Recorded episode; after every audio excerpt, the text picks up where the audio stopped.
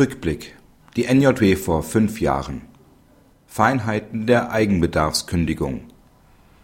Der Eigenbedarf des Vermieters kann sicherlich als der Klassiker des berechtigten Interesses im Sinne des § 573 Absatz 1 BGB angesehen werden.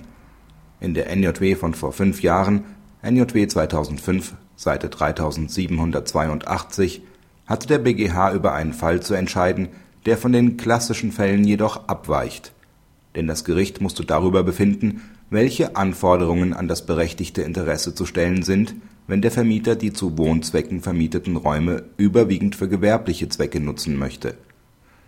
Der BGH stellte fest, dass das Interesse des Vermieters an der Beendigung des Mietverhältnisses schon im Hinblick auf die durch Artikel 12 Absatz 1 Grundgesetz geschützte Berufsfreiheit nicht geringer zu bewerten sei als der in § 573 Absatz 2 Nr. 2 BGB gesetzlich geregelte Eigenbedarf des Vermieters zu Wohnzwecken.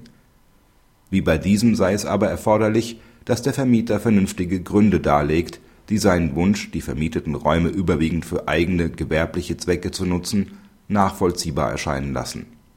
In dem in diesem Heft veröffentlichten Urteil des BGH vom 13.10.2010 NJW 2010, Seite 3775 geht es um die Frage, ob der Vermieter seinen Eigenbedarf damit hinreichend begründet hat, dass er eine vermietete Wohnung seiner demnächst volljährigen Tochter zur Gründung eines eigenen Hausstands zur Verfügung stellen möchte.